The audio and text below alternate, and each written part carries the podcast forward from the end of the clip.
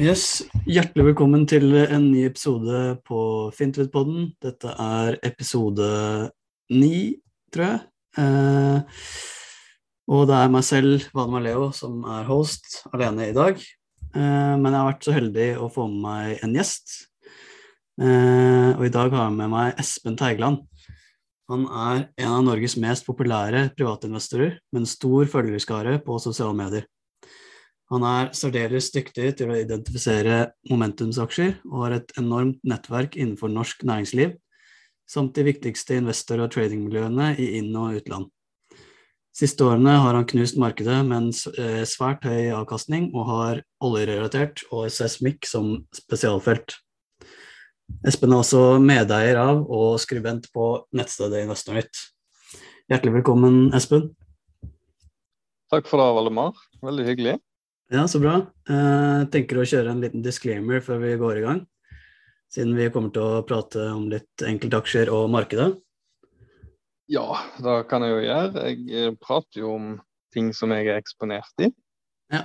Og, og um, makrobildet er jo veldig usikkert om dagen, så, så, det kan fort være at jeg selger det jeg prater om eh, om en uke eller to uker, eller dagen etter den er kommet ut.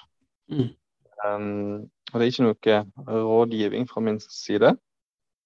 Jeg prater bare om hva jeg kjøper og selger. Så må anbefaler jeg andre som er nysgjerrig til å lese seg opp på selskapet og gjøre sin egen due diligence på det. Ja. Yes, kort og presist. Uh, vi kan jo starte med litt uh, bakgrunn og historie om deg. Uh, kan ikke du fortelle litt om deg selv og bakgrunnen og hvorfor du start, startet med trading? Jo, um, bakgrunnen er veldig annerledes enn finans og økonomi, egentlig. Jeg har um, jobba i Forsvaret i noen år, uten å gå så mye inn på hva jeg gjorde der. Um, jobba litt innenfor etterretning, annet.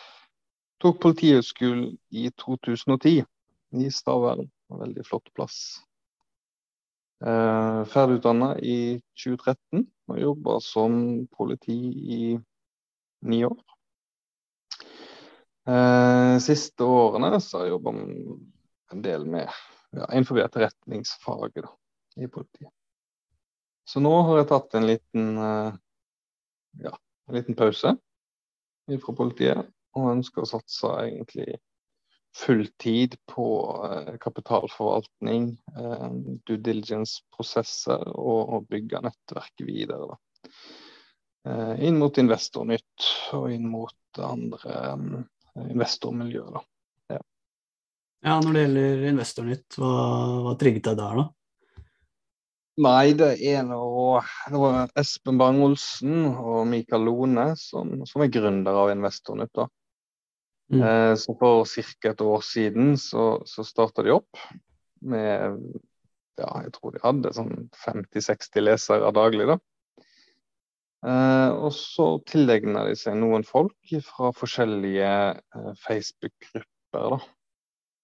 Jeg hadde jo skrevet mye om Magsize og Panoro, og, så de ønska egentlig noen med, med, som hadde fokus og dybdekunnskap innenfor oljerelatert. da. Eh, så de var jo veldig opptatt av at jeg var veldig bull på olje og seismikk eh, i 2000 og 20 og inn i første halvår 21. Så de ønska meg med på laget. Så jeg ga det en liten sjanse, og så ble det tatt godt imot. Eh, vi har gjort noen feil underveis, og vi har tatt tilbakemeldinger fra Ja, vi har egentlig tatt til oss den kritikken vi har fått, og den, altså den rosen vi har fått. Og så har vi forbedra oss, og nå har vi 13 000 unike lesere hver dag. Og har 52 000 unike brukere på vår side hver uke. Da. Så det er gått jevnt opp, og vi har ca. 8-10% vekst i måneden. Mm. Så det det er, blitt veldig bra. Ja, det er jo spenstig å gå konkurrere mot E24, Finansavisen, Ekstrainvestor og DN, som er store. Ja, ja, I starten så var jo dette bare en, en, en blogg. og Det var veldig mange som lo av oss med rette. sant? Jeg hadde jo ikke helt tro på det sjøl heller. Eh, men så fant vi vel ut på et tidspunkt at vi, vi skulle, skulle, prøve å bli litt mer seriøse. Og så har vi fått uh, NTB på laget, og vi har fått ganske store aktører som, som sponser oss og, og hjelper oss. Um, så det gir jo et totalprodukt nå som begynner å bli ganske bra, da. Ja. Så det er moro. Mm. Og nå har du um, investert i investoren ditt, da, partner? Ja. Og jeg, ja, har en stilling der? Eh, jeg kjøpte meg inn i høst. Ja. Fant ut at uh, dette kan bli veldig bra. Um, og allerede en måned etter jeg kjøpte meg inn, så var det en dansk aktør som var villig til å by ganske mye penger for oss. Og Det er jo et kompliment, ikke sant, når, når du har de reklameinntektene du har. Og ja, det, det, det, er veldig moro, da. Så annonsemarkedet i seg sjøl, altså de gutta som, som starta det, det, de var jo eh, har jobba i Schibsted i mange år og kjenner jo annonsemarkedet veldig godt. Og, så, så, det er absolutt en, et marked der det er veldig potensial og tjener veldig gode penger. Så, men nok om investoren ut. Yes. Plager med det. Nei, det var bare litt spennende å gå mot så store. Og, ja. Men ja, Det er et langt shot, for å si det sånn, da. Det, ja. det, er et longshot, og nå har vi egentlig landa litt på beina. Så nå, nå, kan vi leve av det, for å si det sånn, uh, alle tre. Mm. Um, ja. Og det er jo ja, bra. Ja, for du har jo et, uh, et enormt nettverk og har bidratt med rådgivning til flere selskaper som har gått på børs, har jeg hørt. Du hjalp vel Glex med å hente 18 millioner på noen dager uten å ta det betalt? Kunne du tenke deg å starte som konsulent? Jeg har fått veldig mange eh, tilbud, men jeg har egentlig takka nei til alle. Jeg syns ikke det er Altså, du kan tjene deg noen raske penger der for å selge deg en investeringscase inn, men eh, grunnen for at jeg gjorde Glex, det var egentlig Det var et såpass bra case, da. Sant? Og hvis du på en måte finner et case som du har veldig troa på, så det er ikke noe problem med, med å på en måte hjelpe dem med å hente noe penger. Um, penger er liksom ikke driv, driveren min, men etter Glex jeg gikk på NOTC og, og var vel tripla vel kursen sin på et tidspunkt. Det var veldig mange som tjente mye penger på Glex på kort tid. ikke sant? Men caset, sant det hadde jeg gjennomanalysert. Eh, så jeg har brukt en del tid og penger på det. Det er jo et software-selskap Så som utvikler en dataplattform for energisektoren. De samler og visualiserer alle tenkelige datakilder, fra leiting til produksjon, i ett grensesnitt.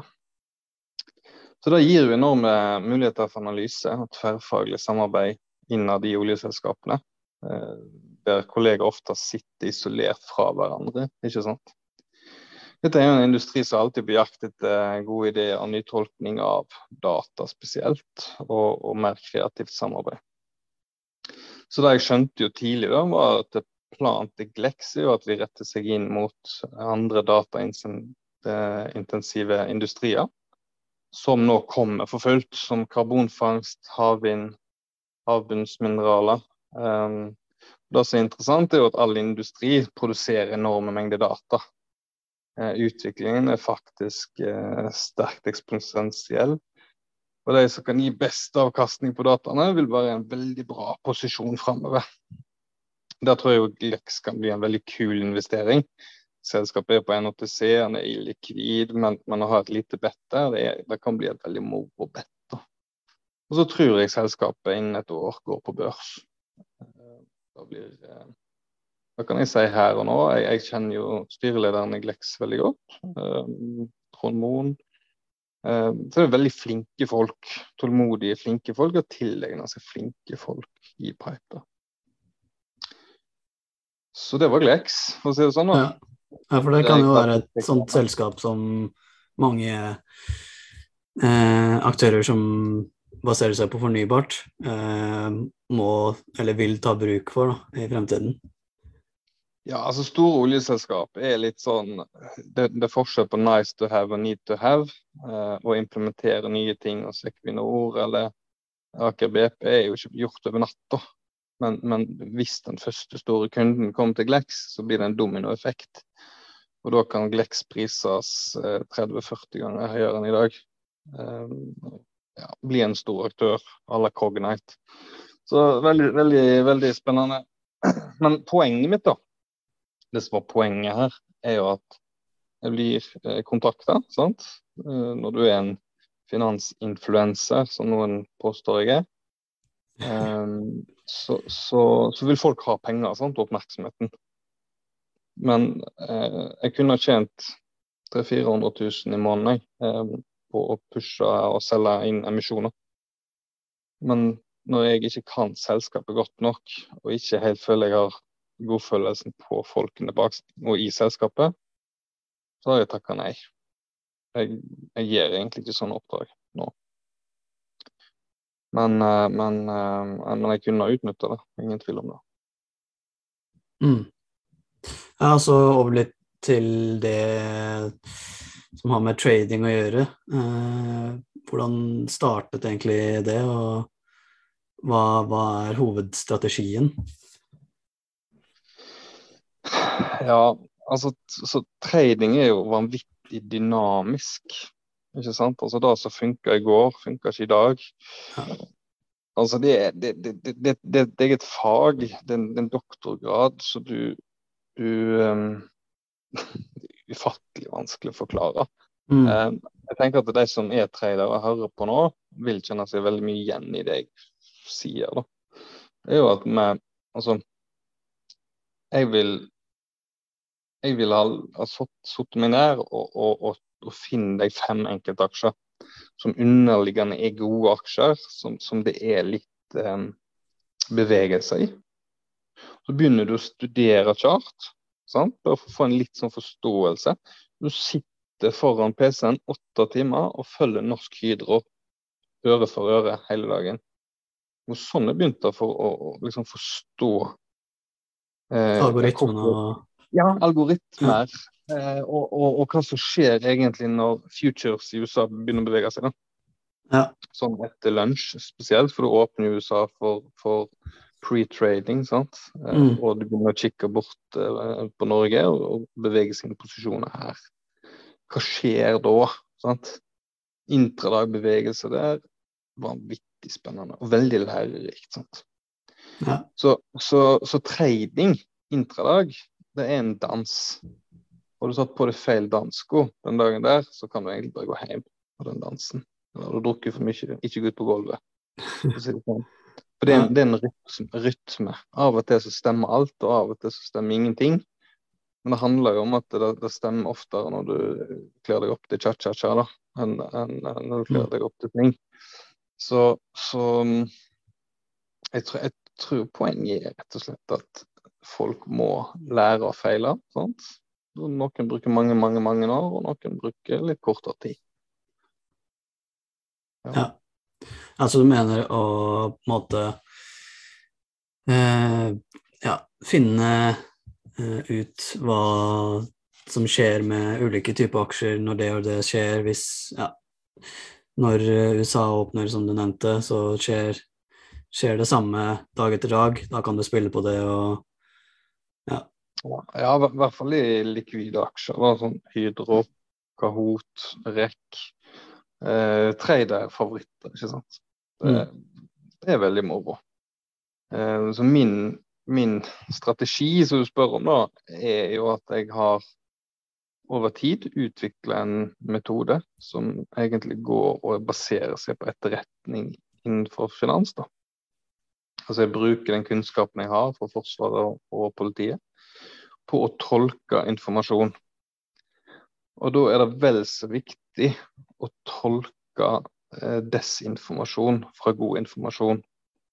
For det er altså åtte av ti informasjoner som tilfaller meg i løpet av en dag, um, som jeg får fra de sensorene som er der ute. da. Det er alltid fra folk til nyhetsmedier. sant?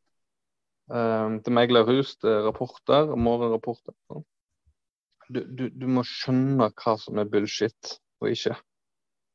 Sånn? Veldig mange kjøper jo bare fordi Pareto sier kjøp. Mm. Ja, hvordan, eh, hvordan, manøvrerer du på en måte nyhetsbildet og det, det er så mange forskjellige overskrifter eh, hvis noen kommer med kvartalsrapport. Så er det f.eks. DN som kommer med en bra overskrift, og så kommer Finansavisen med en dårlig. og så ja, eh, jeg pleier jo å si at altså, i min halvparanoide verden nå, at alle har jo en agenda for å skrive det de skriver i et nyhetsmedium. Um, jeg syns jo at norsk finansmedie er jo blitt veldig bra. Um, men når jeg f.eks. leste om, om Ice i, i, i, Finansavisen før jul um, Det var vel uh, favorittaksjen til Spetalen Junior, som han skulle i hvert fall opp mot 20 kroner. Da skrev jeg en, en kommentar i Investornytt. Mm. At man kan aldri finne på å kjøpe den aksjen der, for det er en, altså, den blir tatt av børs, det er konkurs, det er emisjon. Eh, så når, når, når, noen skriver noe sånt i Finansavisen, og Finansavisen trykker det på framsiden på den måten der, eh, så er det nesten kriminelt. Ja. Men småsparere tapte enorme penger på Ice eh, den, etter den tiden der. Og det, det er snakk om fire-fem måneder siden. sant? Um, både jeg og, og, de som er erfarne i markedet, eh, shorter jo ice med begge hendene. Eh, men stakkars småsparere som ikke, ikke, ikke skjønner greiene og leser bare overskriften. Sant? De, de blir jo slakt. Og det er jo her kritikken er. sant? Det, det er ufattelig. Jeg har lært veldig mye, jeg, og å lese kommentarene til han eh, Tor Christian Jensen i DN. Jeg syns han han har en litt sånn uh, fuck you-holdning, da. For de store og etablerte. Han er ikke redd for å tråkke på noen tær. Han er jo nok kritisert en del, men, men han har veldig mange gode poeng, da. Sist ut var jo denne Flyr-emisjonen. Uh, men jeg syns det er moro å lese, lese, han og hva han tenker. Og... Men poenget, som sagt, er at en, en, må være kritisk til alle sensorene der ute, og spesielt media. Mm. Um, det beste en ung investor kan gjøre i dag, det er å tilegne seg uh, å prate med folk som er mye flinkere enn seg sjøl. Ja. Enkelt og greit. Hvor, hvor, investerer de og de pengene sine? Sant? Det, det, det, er sånn jeg har blitt rik. Jeg, jeg kjenner såpass mange flinke, dyktige folk som, som, som deler hvor de putter pengene sine. Så hvis du vet hvem som kjøpte TGS i, i februar, sant, så har du gjort det kule der. Man bør jo helst ikke være den smarteste i rommet, så Nei, jeg, jeg, jeg syns det intervjuet med Åshild Tvedt Reid eh, ja. ideen var et veldig bra intervju. Og, og, og han, han, sa det jo rett ut, han. Han var ikke alltid den skarpeste kniven i skuffen. Men han hadde flinke folk rundt seg til enhver tid. Sant? Det er jo litt av det handler om, å ikke være verdensmester. Sant? Ikke finne opp kruttet sjøl. Prøve å ri de forskjellige bølgene, og så handler det om én ting. Mm. Jeg må ta gevinst. Jeg blir aldri fattig av å ta gevinst. Du får kanskje ikke jackpot, men det skal veldig mye til for å få jackpot i noe som helst. da. Ja. Og så nevnte han vel også Jeg har ikke lest artikkelen, for han var bak betalingsmur, men uh, han sa vel også i innholdsfortegnelsen at han investerer bare det han skjønner, uh, og ja, ikke noe særlig utenfor det. Ja, og når du snakker Ja, men altså, de er jo i, i Champions League, og jeg er jo andredivisjon. Um, hvis du tenker på kapital, sant. Eh, jeg forvalter jo noen millioner, men, men, det er jo ikke på det nivået til de gutta der. Sant? Eh, så det må jo være likvide aksjer, og så må det være ganske safe, da. Jeg, jeg, tror nok det var flere seismikkselskap som har større oppside, men, men, skal du manøvrere med 150 millioner inn og ut, så, så, er det vel egentlig kun TGS og til dels PGS som fungerer på Oslo Dubs. Mm. Men, uh, men han har veldig mange gode poenger i intervjuet der. og anbefaler alle å lese. Ja. Hva er det du ser etter i aksjer, da? Altså, jeg var jo veldig aktiv i spesielt i oljeaksjer, da. Jeg tok gevinst for tidlig der, ingen tvil om det. Men jeg spådde jo at denne boomen som kom nå, eh, spesielt på sosiale medier Det er mye derfor jeg har fått mye følgere òg. At eh, veldig mange av mine følgere sitter fremdeles i Solstad offshore, og de kjøpte på tre-fire kroner. Sant?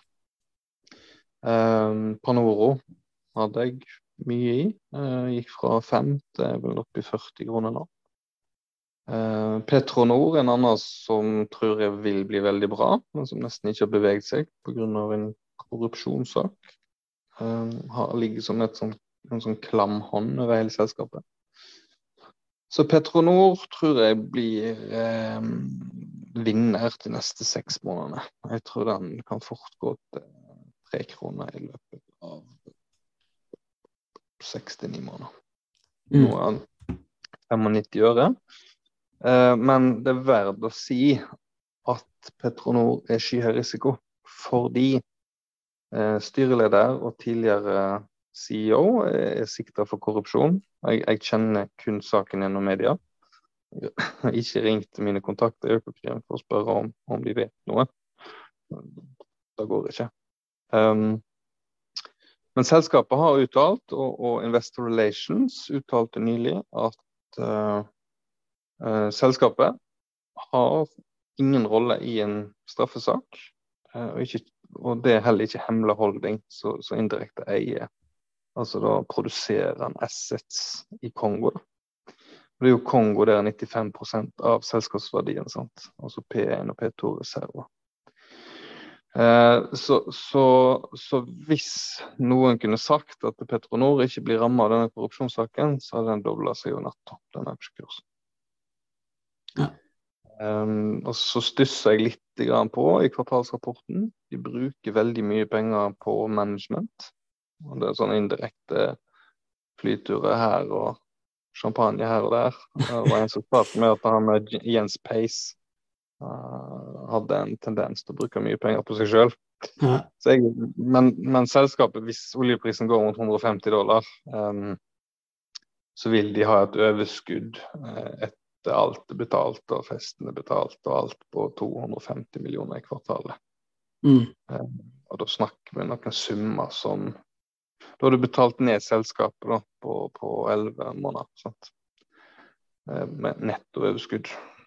Ja. Ja, hva, hva, hva, tror du om uh, oljeprisen, da, siden du er uh, spesialist innenfor olje og seismikk? Ja, altså, altså, uavhengig altså Alt kommer jo an på hva EU gjør hvis Russland trekker seg tilbake og det blir en fredsavtale. da. Ja. Men, men, jeg tror jo ikke det er noe quick fix at Altså, Jeg tror uansett at vi ikke kommer til å kjøpe russisk olje i 2022, uansett hva som skjer. Så at oljeprisene ligger mellom 120 og 150 dollar fatet inntil det skjer noe, det tror jeg. Ja. Hva tror du eh, skjer hvis eh, det kommer en fredsavtale? Blir det noe lignende 2008? Kan, er det muligheter for at det skjer? Nei, fordi jeg tror ikke Europa vil kjøpe russisk olje med en gang. Men det kan fort være at markedspsykologien eh, lager problem, for å si det sånn, for å si det mildt. Ja. Så, så, den dagen det skjer, så går det an å gå short olje. sant? Eh, kaste ut alle kortene, og så dropper kanskje olja ned i jeg tipper kanskje 80 85 Men da skal du kjøpe olje med begge nevene igjen. Altså oljeprodukter og oljeselskap, eller de som har korrelert med oljeprisfallet. For den oljeprisen, altså før sommer og fly og Nei, oljeprisen kommer til å være høy i, i mange år. Jeg tipper et snitt på 120 dollar de neste tre årene. Ja. Det er bra. Mm. Ja, oljeservice, da. Det har jo gått som en kule de siste ukene. Eh, og de vil vel nyte godt av jevnt høy oljepris. Hva, ja, olje, oljeservice. Ja, altså, hvis du tenker spesielt uh, offshore, da. Sant? Du har ja. disse båtene som går ut i Nordsjøen. Da. Mm. Eh, hvis du ser på Solstad, da, sant, så, så, var det en rekke synergier som kom etter hverandre der. Investorene skrev en, en artikkel om, om, det som skjedde, og, og halve Oslo vest vet du, fikk jo FOMO. eh, Spitalen og Halvorsen og ja, det var ikke måte på hvem som ikke hadde kjøpt i, i Solstad. Så på et tidspunkt så begynte jo Spitalen å selge til kompisene sine og kjøpe seg inn igjen. Nei, det, det var totalt kaos. Og I tillegg da så satt jo jeg og prøvde å shorte litt. og traff egentlig ganske greit. Uh, men uh, ja, han var vel helt oppe i 42. Uh, var vel korrigert litt ned, men, men uh, du må huske retail, vet du. Altså, det er helt vanvittig. Solstad-gruppen er vel 5000 medlemmer nå. sant? Så hvis hver og en av de kjøper kun 1000 aksjer en dag, i snitt så er det 5 millioner aksjer da får shorterne et alvorlig problem. Ja. Jeg kjenner jo noen som har shorta Solstad en del, og de, de har tapt mange millioner. Det mm. eh, det er ikke moro engang for dem. Og det er jo derfor han har gått til 42. Og det blir en, en dominoeffekt oppover, der noen setter short, og så dekker noen inn. Og så dekker noen inn, og så setter noen short. Og sånn går Sånn rulleball, da. Men du tror, ikke at, uh, du tror ikke at Solstad vil hente noe penger, uh, sånn som kanskje Doff uh, må gjøre i nærmeste fremtid? Altså, Solstad er jo restrukturert, ikke sant. Og så mm. inngikk du en avtale med Røkke og American Shipping Company nå. jeg tror ikke det blir nok emisjon, men at det kan bli aksjebytte. At det kan bli en, en fusjon, f.eks. med et annet selskap. Uh, det utelukker jeg ikke. Jeg, jeg, tror ikke det er noen emisjonsfare direkte i, i Solstad. Det tror jeg ikke. Men, men at uh, uh, noen i Oslo vest går short og, og plukker igjen i en emisjon 30 lavere, det er ingenting som overrasker meg i kapitalmarkedet. Og det må en hensyn ta, for å si det sånn. Mm. Uh, seismikk, da? Har du noe eksponering eh, der nå? Nei, altså jeg, jeg, det er jo mye daytrading for meg, da. For jeg er jo livredd eh, hva som skjer hvis det virkelig smeller. Ja, du tør ikke å sitte noe særlig uh, i tradingposisjonene over, over natta? Nei, så jeg har 60% ca. kapital, um, eller cash-kapital, ja. av markedet. Men de er inne og yngler seg litt på dagtid, da. Og så må de hvile litt på kveldstid, for å si det sånn. Ja. Eh, nei, jeg har jo litt tro på Magsize. Eh, jeg har et veddemål da, med Atle Sandvik. Han mm. er jo en godt kjent eh, tung trader Oslo Børs. Som inngikk veddemålet på 1,70 da ble jeg stempla av ekstrainvestor som en hauser, og det var ikke måte på, for jeg sa at denne skal til ti kroner i løpet av et par år. Så det blir en, et veddemål med Atle Sandvik da, på, på om den skulle til ti kroner. Så, så datoen er 1.9. 2022. Så hvis den er ti ja. kroner da, så får jeg en god kasse vin av han, og, og motsatt hvis den er Jeg tipper han kommer til å ende på rundt ni. Eventuelt at han kommer til å shorte rett før veddemålet går gjennom. ja. Men eh, poenget er jo at eh, det som jeg har pratet om, eh, mm. både i, i, sektorrotasjon med rød tråd innenfor disse ulike selskapene, spesielt innenfor olja, eh, det har slått til. Veldig mange på sosiale medier har tjent enorme summer på de resonnementene jeg har gitt ut. Og det er jeg kjempeglad for og syns det er gøy. Um, det eneste er Petronor har ikke levd opp til forventningene. Jeg har sagt at den skal til fire kroner i løpet av i år, så jeg er litt på etterskudd der. Men, uh, men det kan fort skje. Så, så Petronor ingen, uh, ikke noe dumt bedt. Men jeg er jo litt sånn inn og ut hele tida, da. Så jeg skal på en måte ikke Jeg går nok glipp av den store gevinsten der òg, men så trader jeg litt her og der. Ja. Mm. ja, du er alltid med på et godt uh, veddemål? Ja, det er jo litt morsomt, da. Ja. Da, da, da, da, svir det litt ekstra å bomme. Mm. Så Nei da. Trivelig, da. Skaper litt ekstra spenning. Ja, det gjør det. Uh, har du noen long posisjoner, da? Eh, ja, altså IT og eh, Jeg hadde en god posisjon i Marcel, og den falt. Eh, det ble en hyggelig gevinst. Var snitt på 2,20. Den ble kjøpt opp på 6 kroner. Så den skrev jeg litt om her for et par måneder siden.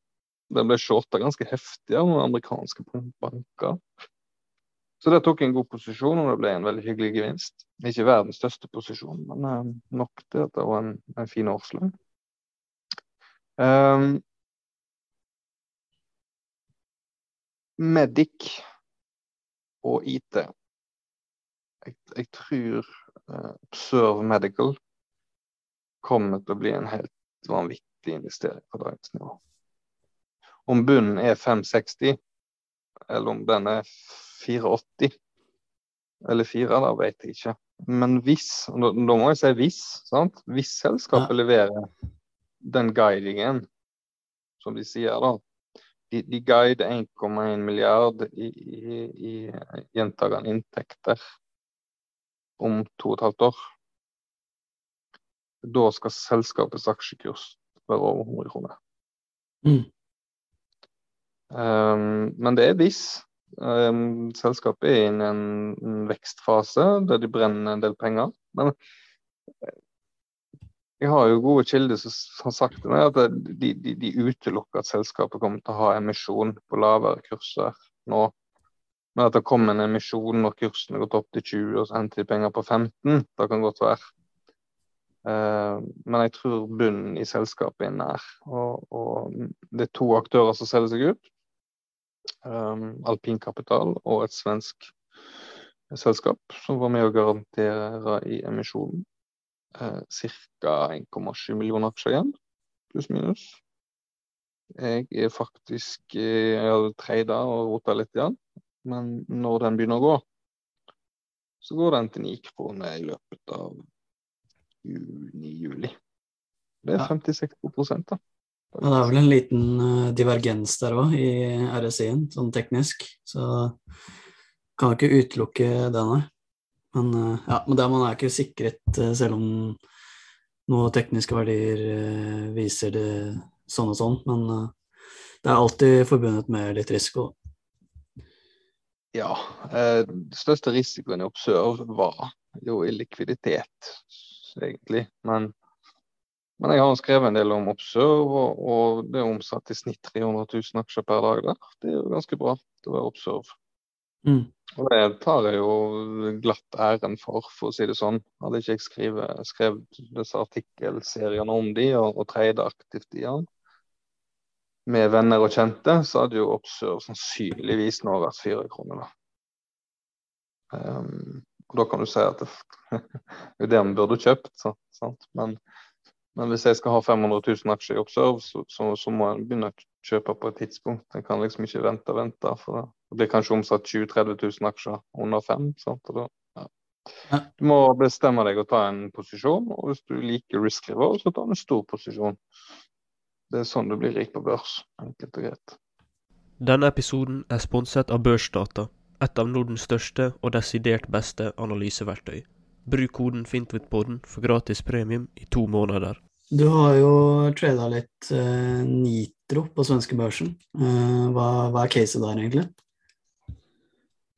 Altså Nitro har jo altså Fundamentalt så er det en veldig spennende case. Fordi eh, det er inngått avtale med Snapchat og leverer spill til de.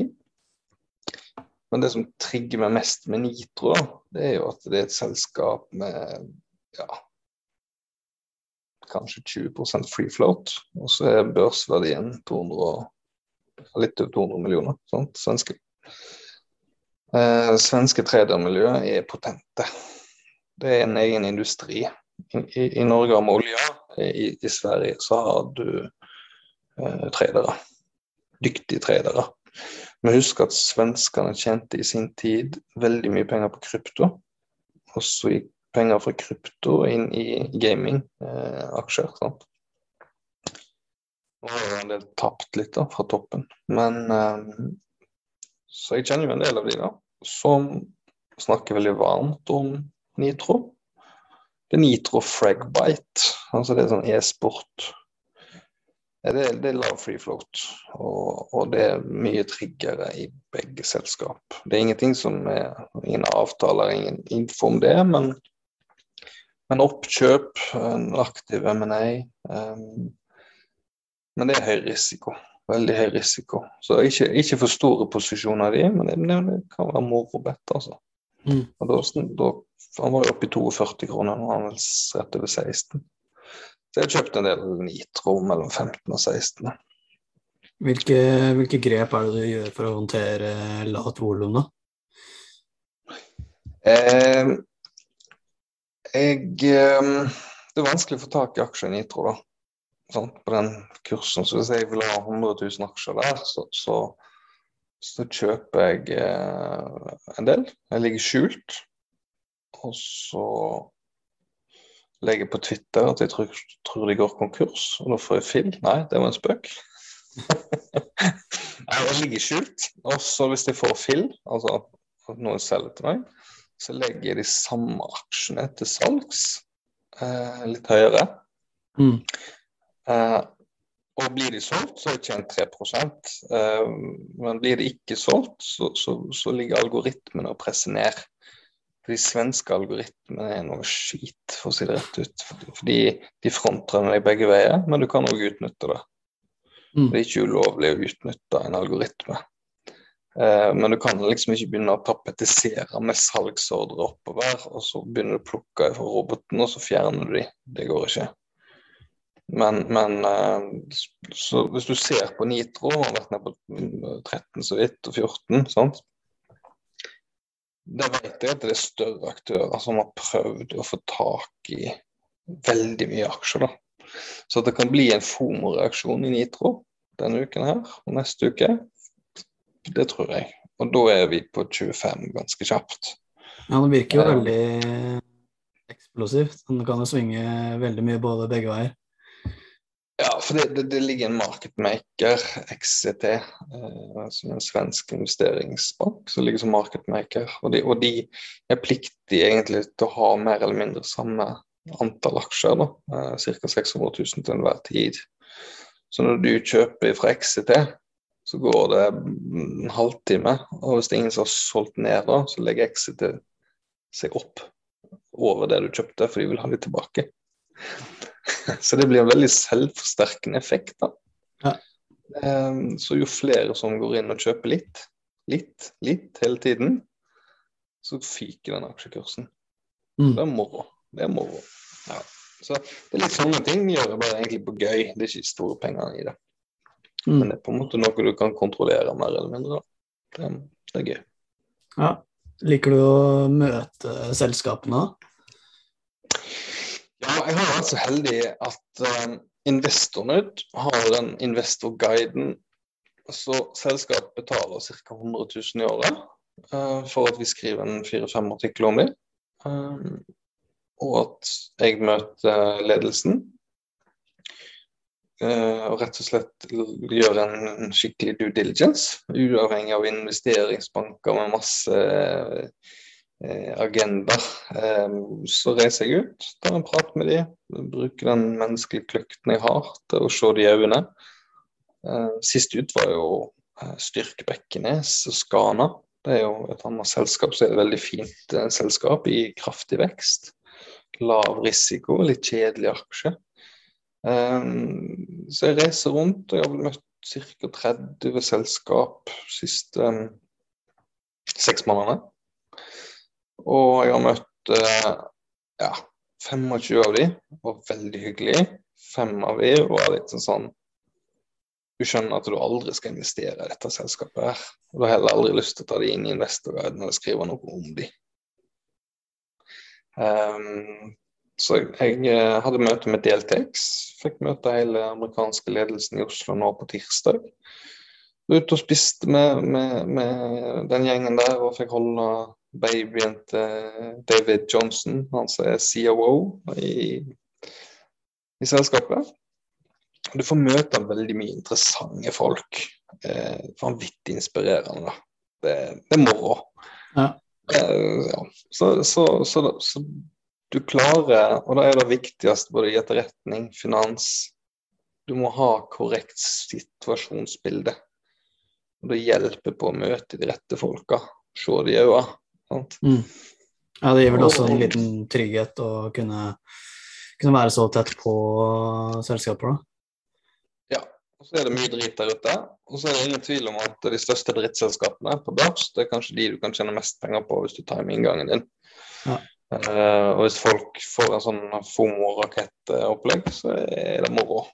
Men det er aldri noe jeg kan uh, skrive om.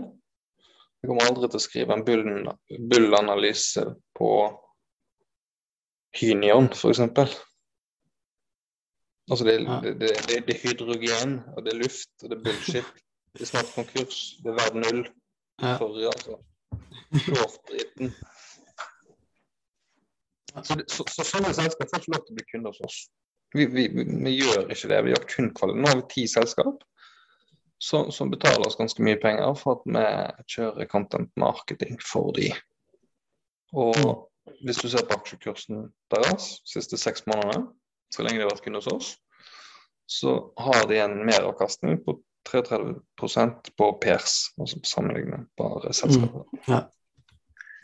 Så, så det å, å, å finne kvalitetsselskap Nå sendte jeg en mail til Airthings. Hørte om de hadde lyst til å bli kunde hos oss. Jeg, jeg syns selskapet ser veldig spennende ut. Mm. Og så er det litt sånn, Jeg er veldig åpen på det, at hvis jeg liker selskapet som jeg skal skrive om veldig godt, så kjøper jeg veldig mye aksjer der òg. Um, så det er en sånn vinn-vinn-sak. Uh, skape likviditet og interesse. Og. Det er veldig viktig å forstå at jeg er en investor. Så investoren betaler jo meg for at jeg skal dele mine tanker. Ikke sant? Ja. Jeg er ingen journalist. Nei, men eh, det var veldig interessant og lærerikt å eh, snakke med deg, Espen. Ja, vi kunne prate et par timer til, men um, jeg må og Ja. på barn. Ja, det- er Halv sju en søndagskveld, så Familielivet, det.